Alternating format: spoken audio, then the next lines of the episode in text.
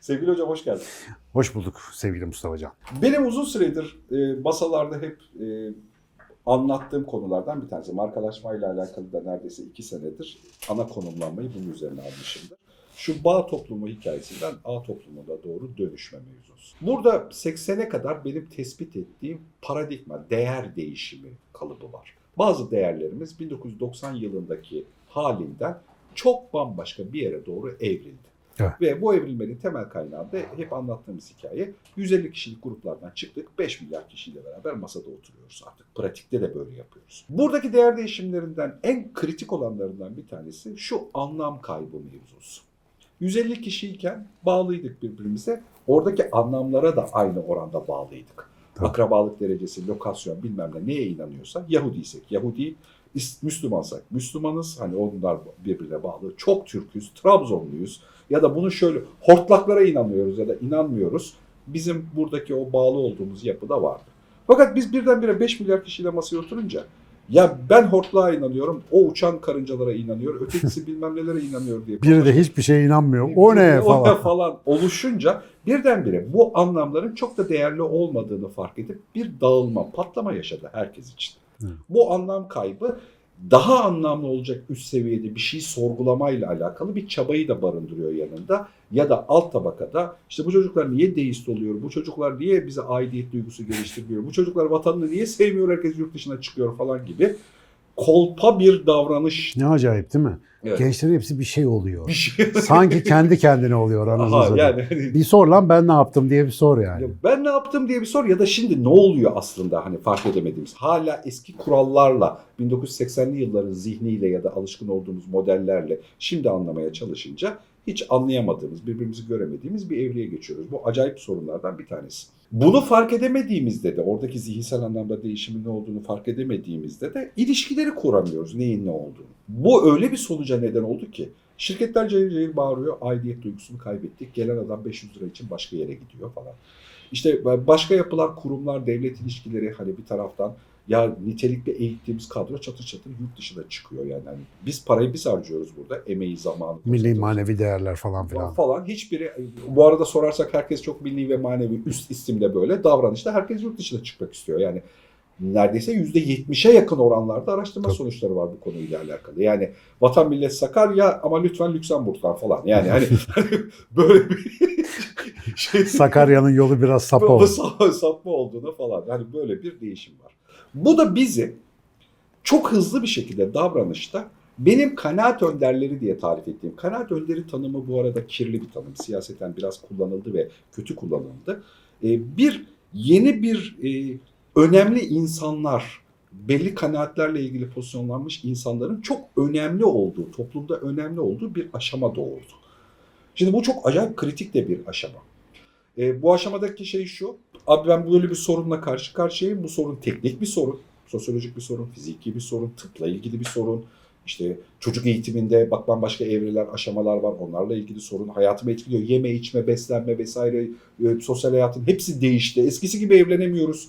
Yani görücü usulü yürümüyor. İnternetten olunca sapık gibi hissediyorum. Hani herkes arada ve darmadağın tam olarak ne söyleyeceğini bilemediği bir aşamada. Herkesin sorusu ve sorunu var bu soru ve sorunlarını karşılayabildiği yerler artık kurumlar değil bireylermiş gibi görünüyor. Kanaat önderi derken ki anlatmak istediğim şey de o. Bu bireylerin kendisinde tuhaf bir pozisyonsuzluk ya da aksamalı bir durum varmış gibi görünüyor. O da şu. Bir kısım insan toplum adına kanaat oluşturuyormuş gibi görünüyor. Bir kısım insanın da toplumun faydalanabileceği bilgi ürettiği ve alana bıraktı. Onun adına kanaat sahibi olduğu değil. Onu kullanabileceği bilgiyi ürettiği bir biçim ya da bir model. Ne güzel söyledin lan. Bir- Hakikaten ama böyle yani. Evet. Şimdi böyle bir şeyle karşı karşıya kalıyoruz. Şimdi bunun aksaklığı, Bülent bunu tarif ediyor, onu patentiyle beraber kullanalım. Hani Türkiye'de kurmay bilim insanına ihtiyaç var. Hani kurmay entelektüele ihtiyaç var diye tarif Bülent. Bülent. bir tarifi var çok se- severek kullandığım yani etkili kullandığım bir tarif. O da şöyle bir gönderme yapıyor. Askeriyedeki sistemden. Askeriyede denizci olursun, havacı olursun, topçu olursun, piyade olursun bir tanımı var. Bunların herhangi bir tanesi de subayken çok ağır ve zorlayıcı bir sınava girersin. kurmay bir subay olursun. Kurmay demek artık sadece topçu değil, sadece denizci değil, sadece piyade değil. Bunların hepsine bakarak savaş kazanabilecek askere verilen isim. Yani konsantrasyonu Taktiksel, stratejik karar verebilme selahiyetine sahip. konuya e, multidisipliner bakabilen, ahlaken ve sosyolojik olarak bakabilen, yetileri ve kavramları buna uygun olan, mühendislikte derinde çok iyi bir topçu olmak değil ya da çok iyi bir deniz subayı olmak değil. Bunların tümüne bakarak kritik zamanda doğru kararları verebilecek kabiliyetli olma hali. Bu o kadar tuhaf bir şey ki kanaat e, şey e, kurmay bilim insanı olmayla alakalı kullanmak için söylüyorum. Mesela şunu fark etmeye neden oluyor böyle bir bakış açısı. Mesela internet denilen şey bilimsel bir keşif değil. İnternet denilen şey bilimsel bir keşifi, bilimsel anlamda keşfedilmiş şeylerin bir nitelikli kurmay bilim insanı tarafından yorumlanıp kullanılabilecek hale getirilmesinin hali. Kuantum denilen, denilen şey bilimsel bir keşif değil. Bilimsel anlamdaki çalışılmış işlerin toplumsal anlamda yarayabilecek ya da teknik anlamda yarayabilecek bir başka evre tarafından yorumlanmış hali. Bu kadar kritik aslında. Çok. Yani kablonun data taşıyabilmesini 100 senedir biliyorduk biz. Konu bu değil. Kablolu datayı taşıyordu. O kablonun datayı taşıyarak varabileceği sosyal sonucun anlamını birinin bilimsel anlamda düşündüğü bir üst evreye ihtiyaç oluyor. Hmm. Bizde mesela işte böyle teorik bilimciler pipoyu yakıp odada bütün gün duvara bakıp boş konuşan adam gibi algılanıyor. Halbuki işte teorik bilimciler aslında o bağlamı yaratan insanlar. Okumaktan gözlerinin feri boşuna sönmüyor o insanların yani bir ton şeyi toparlıyorlar. Bizim Türkiye'de de teknik işçi olarak bilimde görev yapıyorsan, bol bol işte skor yapıyorsan hani seni en azından YÖKMÖK bilim adamı sayıyor. Onun dışında bağlam bağlam kimsenin umurunda değil yani. Sen sana verilen görevi yap, tıkır tıkır çalış. İşte o yüzden de bizden çok fazla kurmay çıkmıyor abicim. Evet. Kurmay Yani bir sorun. bu bu hikayeyi biraz altını çizerek çünkü bu dönemi çok kapsayıcı ve belirleyiciymiş gibi görünüyor. Yani kurbay bilim insanı diye tarif edebileceğimiz yani gerçekten bize savaş kazandıracak, bizim büyük çatışmalarımızla ilgili bize çözüm önerileri üretebilecek insanların nitelikli kanaatler, toplum adına kanaat oluşturan değil, e, bağlamlar oluşturmak için bize bilgi verebilecek bakış açılarını birazcık tarif etmeye ihtiyaç var, modellemeye ihtiyaç var. Çünkü burada bir boşluk bıraktığımızda burada anlamsızlık bıraktığımızda sana Cübbeli Ahmet ol. Yani Cübbeli Ahmet ya da o, o, o hikayenin o konunun anlaşılması mevzusu oluyor. Yani hani seni nereden ele alıyor ya da işte toplumdaki başka biri bir şey söylerken nereden ele alıyor ile alakalı e, azıcık alanda tariflerde boşluk bıraktığımızda ya da işte 1980'ler zihniyle modellemesiyle bugün anlamaya kalktığımızda oradaki oluşa gelen boşluk kirli uğraşılması gereken magazinel bir konu başlığı doğuruyormuş gibi görünüyor arka tarafta. Buraya bence bu arada şu Cübbeli Ahmet'in videosunu da girelim. Şeyle ilgili. Tabii tabii lazım lazım. Sana, sana çok- çok havalı Yani bir video Şey, hazırladım. çek, çekilin çocuk da görsün. Ver, ver videoyu. Şimdi sunucu diyor ki Tanrı bizi sadece inanmadığımız için veya bir şeyi doğru yapmadığımız için ebedi olarak cezalandırması mantıksız ve canice bir şeydir. Haşa haşa haşa. Gökler yere inecek. Elfazı küfrün göbeğine girmiş. Şimdi Sinan ne diyor bak. Doğru söylüyorsun vallahi. Bir de Allah'ın adına yemin ediyor. Kafir inanmayan demek değildir. Ben Kur'an'ın bütün gerçekleri içeren bir kitap olduğunu zannetmiyorum. Kur'an'ın hiçbir yerinde Allah'a inanmamanın, ateist olmanın cezası yoktur.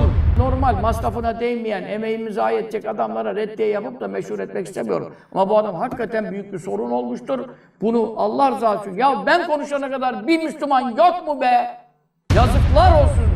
ya da işte çok çocuklar da görmesin mi desek? Görsün görsün. Çocuk da görsün ki yani neyin ne olduğunu anlasın mesela. Şu, bu arada Cübbeli Ahmet Bey'e yani hoca demiyorum benim hocam değil ama takip edenlerin hocasıdır. Saygım sonsuz. Cübbeli Ahmet Bey'e çok teşekkür ediyorum. Yani derdimi anlatmak için çok güzel bir gollük orta yaptı. İnşallah herkes izler. İnşallah e, onu takip edenler merak eder de lan bu herif ne diyormuş diye girer bir de beni izler. Ve hani insaf, aklı, fikri çalışanlar bir karşılaştırma yapar. Gerisi zaten e, sistemi kuranın işi. Bakalım oradan ne çıkaracağız belli olmaz. Ama ben büyüyünce kurmay biyolog olacağım. Ona karar verdim. Yani olmamız gereken şey bu devirde hakikaten bu. Bu arada senin olduğun, bilimsel anlamdaki kullanımda olduğu yeri hani burada sohbet ederken samimi arkadaş olmanın getirisiyle beraber ister istemez iltifata dönüyor bu. Dışarıdan daha az tanışık oluyor olsaydık iltifat değil de teknik bir tarif olurdu mevzu. Ben çok hani Türkiye'deki nadir mesela İlber Hoca net bir kurbaydır. Hani bir şey konuşuyor. Evet. Çünkü o toplumsal anlamda savaş kazanacak keskinlikte cümlesini de net bir şekilde ve ödevini de iyi yaparak alan içerisinde konuşur. E, kurmay anlamda birinin adamı olmamayı da başardığın sürece, hani birinin ya da bir şeylerin adamı olmamayı da başardığın sürece saygınlığın da Sırrı o doğası. zaten. Evet, Aynen. doğası, doğası. Geçen eğitim kongresim Sayın İlber Hoca'ya. Ya Evet. bir konuştu adam. Yani baksan dışarıdan normal sohbet ediyormuş gibi. Adam Evet. herkes haldır haldır not alıyor abi. Çünkü evet. başka bir yerden başka bir şey söylüyor. Evet. Bilinmeyen hiçbir şey söylemiyor ama hiç bilinmeyen bir bağlamda söylüyor. İşte o kısım çok önemli. Evet, evet, evet. Veri çağında bu kadar çok şeyi bildiğimiz bir çağda artık böyle cılkı çıkmış teraneleri gençlere belletemiyoruz diye çırpınmanın hiçbir alemi ve kıymeti harbiyesi yok. Yani onlar çalışsaydı zaten o gençler de çalışırdı ve onu alan eğer o hakikatse iyi bir şeyse onu bırakmazdı. Bir insan insanlar e, aptal ya da zeka eksikliği e, taşıyan canlılar değil ki işlevsel olanı, işe yarayanı buldukları zaman niye daha kötü olanıyla değiştirsinler? Demek ki çalışmıyor abi. Çalışmayınca adam onu terk ediyor, başka bir şeye dönüyor. İşte ne demek istiyorum? Ben mesela hep bu iddia yapıyorum ama ısrarla bu iddiamın aleyhine de çok goy goy ve trollük var. Ben hayatımda hiç din anlatmadım. Bununla ilgilenmedim. Ama birisi ben bilgimi bir bağlamda sunmaya çalışırken falanca din öyle demiyor deyip özellikle de benim dinimle ilgili karşıma çıktıkları anda elimin tersi düzü neresi denk gelirse cevabını yapıştırıyorum. Yani ben de sonuçta dini inançları olan, dünyayı öyle bir çerçeveden açıklayan bir insanım ama bir şeyi de çok net görüyorum. Yani Cübbeli Ahmet Bey tek örnek değil mesela. İşte İhsan Şen Hoca var, Halis Aydemir var. Kendileriyle daha önce program yaptık. Mehmet Akif Can var. Normalde ilahiyatçı da değilmiş ama başka bir şey. O da Kur'an uzmanı diyorum eyvallah falan diyor. Kur'an uzmanıymış. Mesela böyle tipler var. Şimdi bu arkadaşların kendince belli bir takipçi kitleleri bir şeyler var. Ama dışarıdan bakıyorum çok net. Yani İslamcı bir camiada büyüdüm. E, 28 Şubat öncesinde ülkenin siyasi çalkantılarından bugüne FETÖ badirelerine, onlara bunlara hepsine şahitlik ettiğimiz bir dünyada ya bir şeyi çok net görüyorsun. Bunlar gibi anlatmaya devam edersek din iman berhava. İnsanların en e, paket program olarak kolay benimseyebilecekleri ve aslında hayatlarını işlevsel olarak kolaylaştırabilecek dini inanç diye bir şey tukaka edilip hayattan dışarı atılacak. Böyle bir sıkıntımız var. Ve gençlerin deist olmasından şikayet eden, muhtemelen Hristiyanlar da bundan şikayet ediyordur bu arada. Yani Tabii, orada, tabii. oradaki tartışmalar işte çok önemli. Hristiyan- Yani hocam Avrupa'daki kiliselerin önemli bir bölümü müzeye dönüştü. Tabii ki. Yani o artık yani Heh. toplumun dinle ilişkisinde çok ciddi anlamda bir küçülme ya da azalma Tabii zaten. oradan mesela ders alacağımıza Evet. yani oradaki kardinali, rahibi, bizim buradaki bilmem ne hacıdan, hocadan daha mı az bilgili? Ya Papa Yani- bundan 7-8 sene öncesinde ateizmi kendi web sitesinde tartışıyordu. E, Aynen öyle. E şimdi değişen dünyanın koşullarına adapte olamayan her şey perişan olur abi. Ve bir kere söylüyorum yani dine karşı her hareketin, dinden her türlü soğumanın, dini inancı her türlü mesafenin ve reddiyenin dindarın suçuyla doğrudan ilişkisi vardır. Dindar derken sıradan normal hayatında dini yaşayan insanı kastetmiyorum. Din benim dediğimdir nadanlığını meslek edinmiş olanların bu işte başat rolü vardır. Yani başrol onlara aittir. Yani Hristiyan kilisesinin insanları la dini bir hayata sürüklemesi ve sonuçta sekülerizm, laisizm akımlarının ortaya çıkması kilisenin marifetidir. Başka kimsenin değil. Zamanda insan düşüncesini dondurmaya çalışan, kendi siyasi ve parasal tahakkümünü korumaya çalışan bir yapıya dönüştüğü için oradaki din sonucu malumdur. Çıkan işte bilimidir bilmem nesidir çok güzeldir ama öbür taraftan işte bugün o bilim ve teknolojinin getirdiği yerde bağlamsızlıktan kafamızı duvarlara vura vura hayatı keşfetmeye çalışmamız da o kilisenin suçudur. Bugün ben eğer bir potansiyel görmesem, içinde bir hakikat görmesem niye hala Müslümanım diyeyim? Benim kime ne borcum var? Yani herhangi birisinin beni dinimle bilmesine hiç ihtiyacım yok. Ama ben orada bir değer görüyorum. İnsanları hani benim belki ağzım karışık, kafam karışık anlattıklarımı doğru anlayamıyorsanız bence buradaki kod öz olarak ona yakın diyorum ama bir grup tuhaf insan o kodu alıp dünyadan bir haber olarak bin senedir çiğnenen sakızlarla bugünkü insanlara nizam vermeye çalışıyor. İşin ilginç tarafı Cübbeli Bey işte beni zikrederken çok tehlikeli, işte gençleri bilmem ne yapan ve din hakkında yanlış yanlış konuşan diye bir tabir kullanıyor. Şimdi din hakkında bir doğru konuşanlar var, bir yanlış yanlış konuşanlar var. Neymiş doğru konuşanlar? Bin senedir, 1200 senedir o belki de Hazreti Peygamber'in döneminden 100-200 sene sonra zaten dağılmaya başlamış, bin bir fırkaya ayrılmış bir hikayenin küçük bir versiyonunu işte 1000-1200 senedir çiğneyebilenler doğru konuşuyor. Aynı lafları edebilenler doğru konuşuyor. Onun üzerine milyon tane gerekçelendirme yapmak için koskoca bir işte sünni fıkhı yaratıp onun içinde bin bir gerekçelendirme bulup bunu Emevi tarzı bir dine dönüştürecek kadar üzerinde çalışılmış bir sistemi bugün anlatmak doğru din oluyor. Ama sen abi Allah dışarıda bir şey yapıyor bir dönüp baksan dediğinde fasık oluyorsun, müşrik oluyorsun, kafir oluyorsun. Çok şükür. Hamdü senalar olsun. Ve gerçekten böyle bir ekol tarafından din dışı görülmek çok doğru ve isabetli bir tanım. Çok doğru. Çünkü ben o dinin dışındayım. Ve insanlara yıllardır yani ben inandığım dini hiç kimseye anlatmazken ısrar ediyorlar. Baba sen o zaman bir Müslüman olarak nasıl bunu diyorsun? Bir tane referansım var abi. Hanif diye bir kelime var. Bugün Hanif kelimesini bile küfür olarak kullanıyorlar İslam'da ama Kur'an'da bizzat Hanif kelimesi peygambere dini sorulduğunda vermesi tavsiye edilen cevaptır. Onlara de ki ben İbrahim'in dinidenim. Yani Hanif'im. Hanif ne demek? Yüz çeviren demek abi. Var olan bütün yorumlardan yüz çeviren. Yani bunların hepsi benden uzak olsun demeden İslam olamıyorsun. Allah'ın sistemine tabi olamıyorsun. Şimdi ben bunu bir Müslüman olarak hani belki bir imam olsam bilmem ne olsam çıkayım kürsüde mürsüde anlatayım. Ama ben bunu anlatmam, bunu yaşayıp gösteriyorum. Ama orada birisi çıkıyor, hariçten gazel okuyor. Bu bu arada çok e, cübbeli ve çok iyi bir şey yapmış. Yani YouTube kanalında dobra dobra erkek gibi çıkmış, anlatmış. Tak tak tak. Biz televizyon programında evrim anlatırken oradan bir başkası TRT'de canlı yayında Pelin Çift'in programında bu lafların hesabını vereceksiniz diye tweet atıyor. Mafya gibi. Mesela biz bunu da yaşadık. İşte bir tanesi oradan arkadan laf dolandırıyor, laf dönüp bana geliyor. İşte bazı diğer arkadaşlarıma geliyor, ilahiyatçı falan, biyolog. Bunlar çok tehlikeli adamlar. Şimdi önünü almazsak yarın başını ezemeyiz falan filan gibi böyle enteresan işler. Şimdi bunlar bir insan neyle böyle uğraşır? Biz bunu nerede görürüz? Mafya filmlerinde.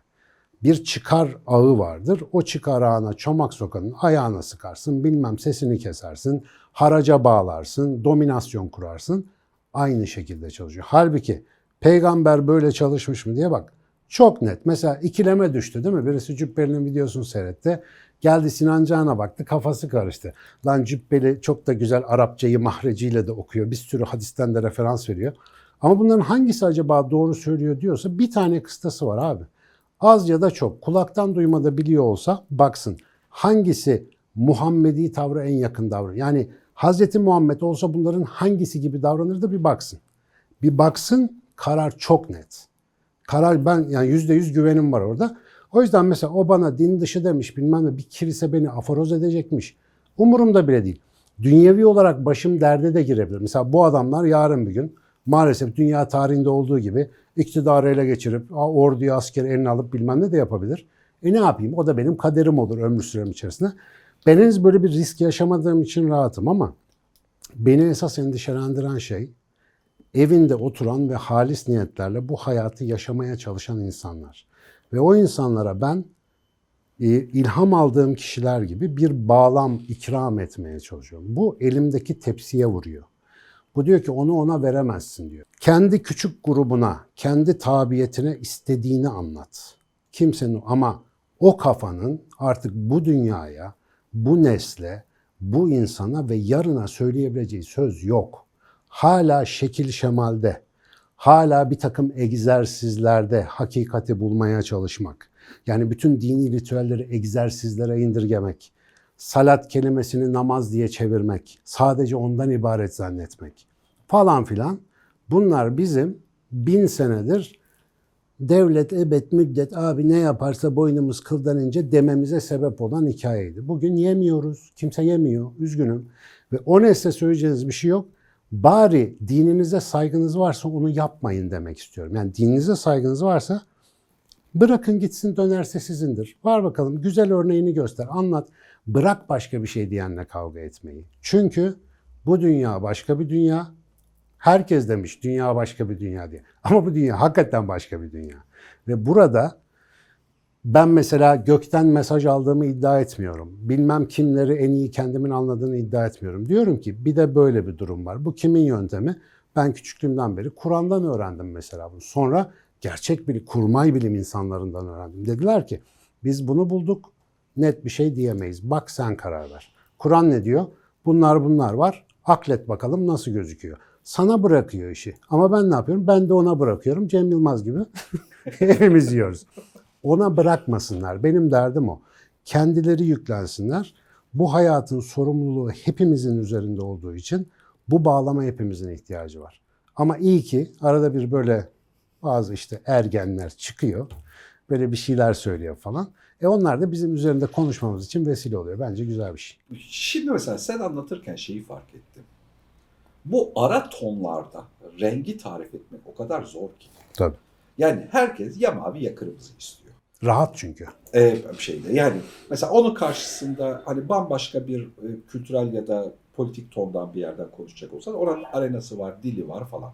Ama bu iki kutuplaşmış ya da dengelenmiş, Türkiye'de üç tane dört tane dengelenmiş kutupluksal tavır var. O değilim, bu da değilim ama öyle de değilim, böyle yani tanımlanmış tarifler içerisinde değil. Arkadaş bunun başka yerden yeni ve doğru tarif edebilecek başka opsiyonları var demek. Özellikle Türkiye'de işte siyasal anlamda kutuplaşmanın da getirilerinden bir tanesi. Çok zor. Mesela bariz ben boyalı kuş diye ara sıra söylüyorum şeyde. E, kitabı okuyanlar bilir. E, karganın bir tanesinde boyadığında ne kendi sürüsü kabul eder ne dışarıda başka bir yerde tek başına yaşayabilir hikayesi. Bizde hızlıca bizi boyalı kuşa dönüştürüyor. Halbuki bu bu söylediğin dille beraber yepyeni bir seçenek opsiyonu doğuruyor. Bir şey düşünmede ya da bir şey yapmada. Abi bak YouTube'un sesini kısayım bir tane adam açayım sana. Dersin ki bizim standart bu işte e, Cübbeli Ahmet Bey gibi bir tarikat lideri konuşuyor dersin. Ama o resmini ve şeklini gördüğün adam şu anda motosiklette geziyor. Bu aralarda Türkiye'den geçiyor. Dünya yeşersin diye bir kampanya yapıyor. Ve bunun için de ülke ülke geziyor. Her yerde konuşuyor. Milyar takipçisi olan bir grup. Milyarlarca takipçisi var bu herifin. Ve yaptığı şey dünyayı yeşillendirmekle alakalı. Ama bak Türkiye'de yeşillensin istiyor. Moğolistan'da yeşillensin istiyor. Sibirya'da yeşillensin istiyor. Geziyor herif. Aynı görüntüye sahip benim adam ne yapıyor?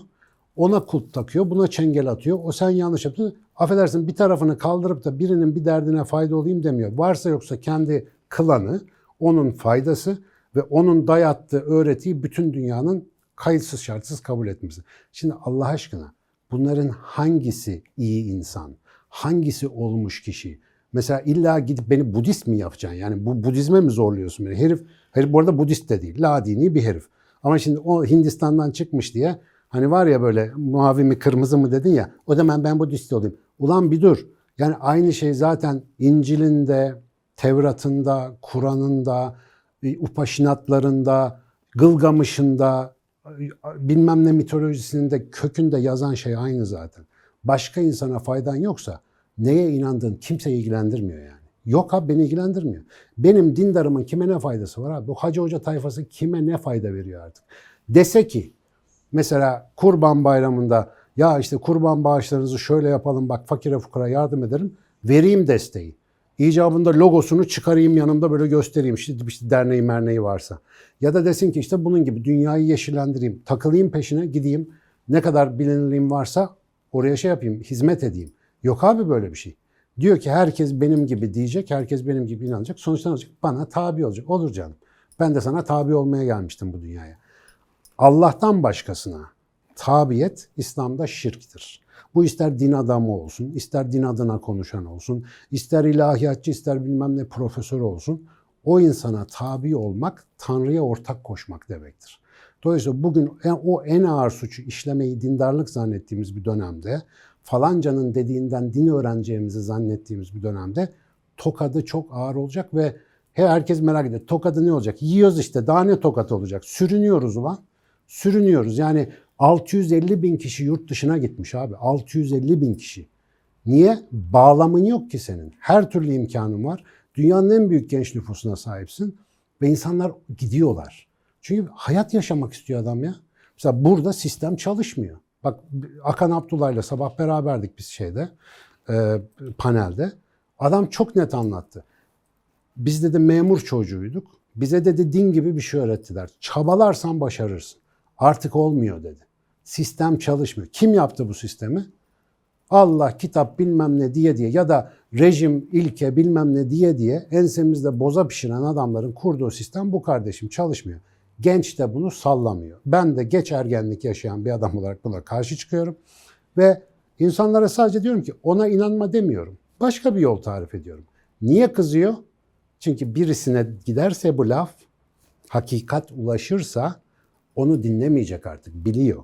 O yüzden bence hani beni falan çok reklam etmeden, yani milletin aklına karpuz kabuğu düşürmeden sen kendi işine bak. Git kendi ocağında faydalı işler yap, değil mi? İnsanlara faydan dokunsun. Ama tutup da oraya buraya sıçramaya kalkarsan o gencecik çocuklar Sinan Canan'ı merak edecek. O gencecik çocuklar Evrim Ağacı'nı merak edecek. O gencecik çocuklar dünyada ne oluyor diye bakacak. Ve o zaman çok pişman olacaksın. Bence bunu yapmamak lazım. Derleyip toplamak açısından söyleyeceğim. Nasıl toplayacaksın çok merak ediyorum. Şöyle toplayacağım. Yepyeni sorunlarımız var sokaktaki insanların. Saymak için yola çıktığımızda var ya 16 yaşındaki çocuktan 21 yaşındaki kadına, işe yeni başlayan insanlardan, sigortasının ödenip ödenmediğine emin olan bir sürü çalışana, asgari ücretle karı koca hayatta kendine ev tutmaya çalışandan, evlenme hayaliyle, aşkıyla bekleyene, öğretmenden öğrencisini, çocuğunu okula gönderene, herkesin yepyeni sorunları var. Ve sorunlar eskisi gibi küçük ve mahallenin içerisindeki e, tanıdık eş dostla beraber çözmenin yollarını bulabileceğimiz sorunlar değil. Büyük kurumlar, büyük kitlelerin, büyük kanaat önderlerinin ya da bu konuda düşünmüş insanların taşın altına elini koyarak çözüm önerdiği ve çalıştığı bir yol haritasına ihtiyacımız var. Bunun dışında gittiğimiz yol yol değil. öyle öyle tarif edeyim. Kesinlikle değil. E, o kadar çok kilit noktada, o kadar çok kalıcı travmalara dönen sorun gruplarını görüyor ki konuşuyoruz beraber. Açık Bey'in ana konusu bu ilgilendiği. Yani otistik bir çocuğunu okula ilk verdiği gündeki onun e, yaşadığı problemden, onun öğretmeninin idareyle çatışmasının yaşadığı problemden bir sürü kalıpla beraber devam ediyoruz. Eskisi gibi bunlar uzlaşalım, merhametle birbirimize bakarak acık titreşip sorunlarımızı çözelim problemleri değil. Çatışmaya, kalıcı problemlere, medyada yansımaya ya da bilmem neye devam ediyor. Buraya toplum adına kanaate sahip insanlarla değil, buraya entelektüel anlamda düşünmüş, üstüne bilgi geliştirmiş, alternatif modellerle çözüm öneren, öneren bağlam öneren kurmay bilim insanlarına ihtiyacımız olduğu bir dönem. Bu sadece sana ithafen bir diyalog değil. Dışarıdaki mevzuya yani dışarıdaki gruba. 1980'li yıllara kadar oluşmuş, kalıplaşmış modellerle şimdi tekrar tarif etmeye çalışmak çürümeden başka bir şey neden olmuyor. Daha doğrusu sağır yani gerçekten Boş. üç maymun oynadığımız bir iletişim biçimine dönüyor. Bu arada bir ilham verdi söylediğin şey ama ilhamın yarısını Cübbeli Ahmet Bey'den aldım. Diyor ya ulan ben konuşana kadar hiç mi din alimi yok bu adama bir şey diyecek. O ruhbanları çağırıyor ya yardıma. Ben de diyorum ki genç arkadaşım yok mu bir tane insaflı düşünen? Var biliyorum bir sürü var. Otur bir düşün yani bir bak bu gemi nereye gidiyor? Bu adamlarla şimdiye kadar nereye gittin? Bu zihniyetle nereye gidebilirsin? Onun bir hesabını yap ve hani her şeyi de Sinan Canan'dan, her şeyi de işte ona benzer adamlardan beklemeyelim. Acık yavaş yavaş kendimiz akledelim. Gerçek sorunlarımızı masaya koyalım. Yani bu dünyanın derdi vatan millet Sakarya değil artık. Yani vatan millet Sakarya buhar olalı yıllar oldu. Başka bir şeyle uğraşıyoruz. Başka bir vatan var. Hani e, hattı müdafaa yoktur, sattı müdafaa vardır var ya artık 5 milyar insanlık bir ilişki biçimin var. Bambaşka bir ağın var. Ve senin burada yine nevi şahsına münhasır tamamen sana özgü bir hayatın var. Lütfen zihninizin dizginlerini başkasına vermeyin. Zamanında acık yaptım. Hala onun detoksuyla uğraşıyorum. Onu açıkça söyleyeyim size. Bu çok pahalı bir deneyimdir. Rahat hissettirir. Tabii. Ee, Tabii tabii. Rahat bir deneyimdir. Ama şu gem var ya gem, ağza takılan gem. Onun yara izini yıllarca yaşarsınız. Bu devir artık öyle eskisi gibi aynı hikayeleri temcit bile çevirip çevirip size anlatarak size rahatlık verebilecek insanların devri değil. Bu devirde kurtuluş akılda, sorgulamada ve yeni bağlamlar aramakta. Ben icat etmedim bunu. Akletmenin tam kitabi anlamı budur. Aklını kullan, bağlamını kur, kararını ver, hayatının arkasında dur. Sonra öbür tarafa gittiğinde cübbeli nerede, bana böyle dedi yap diye ararsın, zor bulursun orada. O kendi işiyle meşgul, sen kendi işiyle meşgul olacaksın. Bu arada sevgili Cübbeli Ahmet Bey ve diğerleri öbür tarafta biraz beni fazla göreceksiniz bu kadar laf ettikten sonra. Çünkü hesap yapılırken size de bir adisyon gelecek haberiniz olsun. Hocam teşekkür ederim. Ben teşekkür ederim.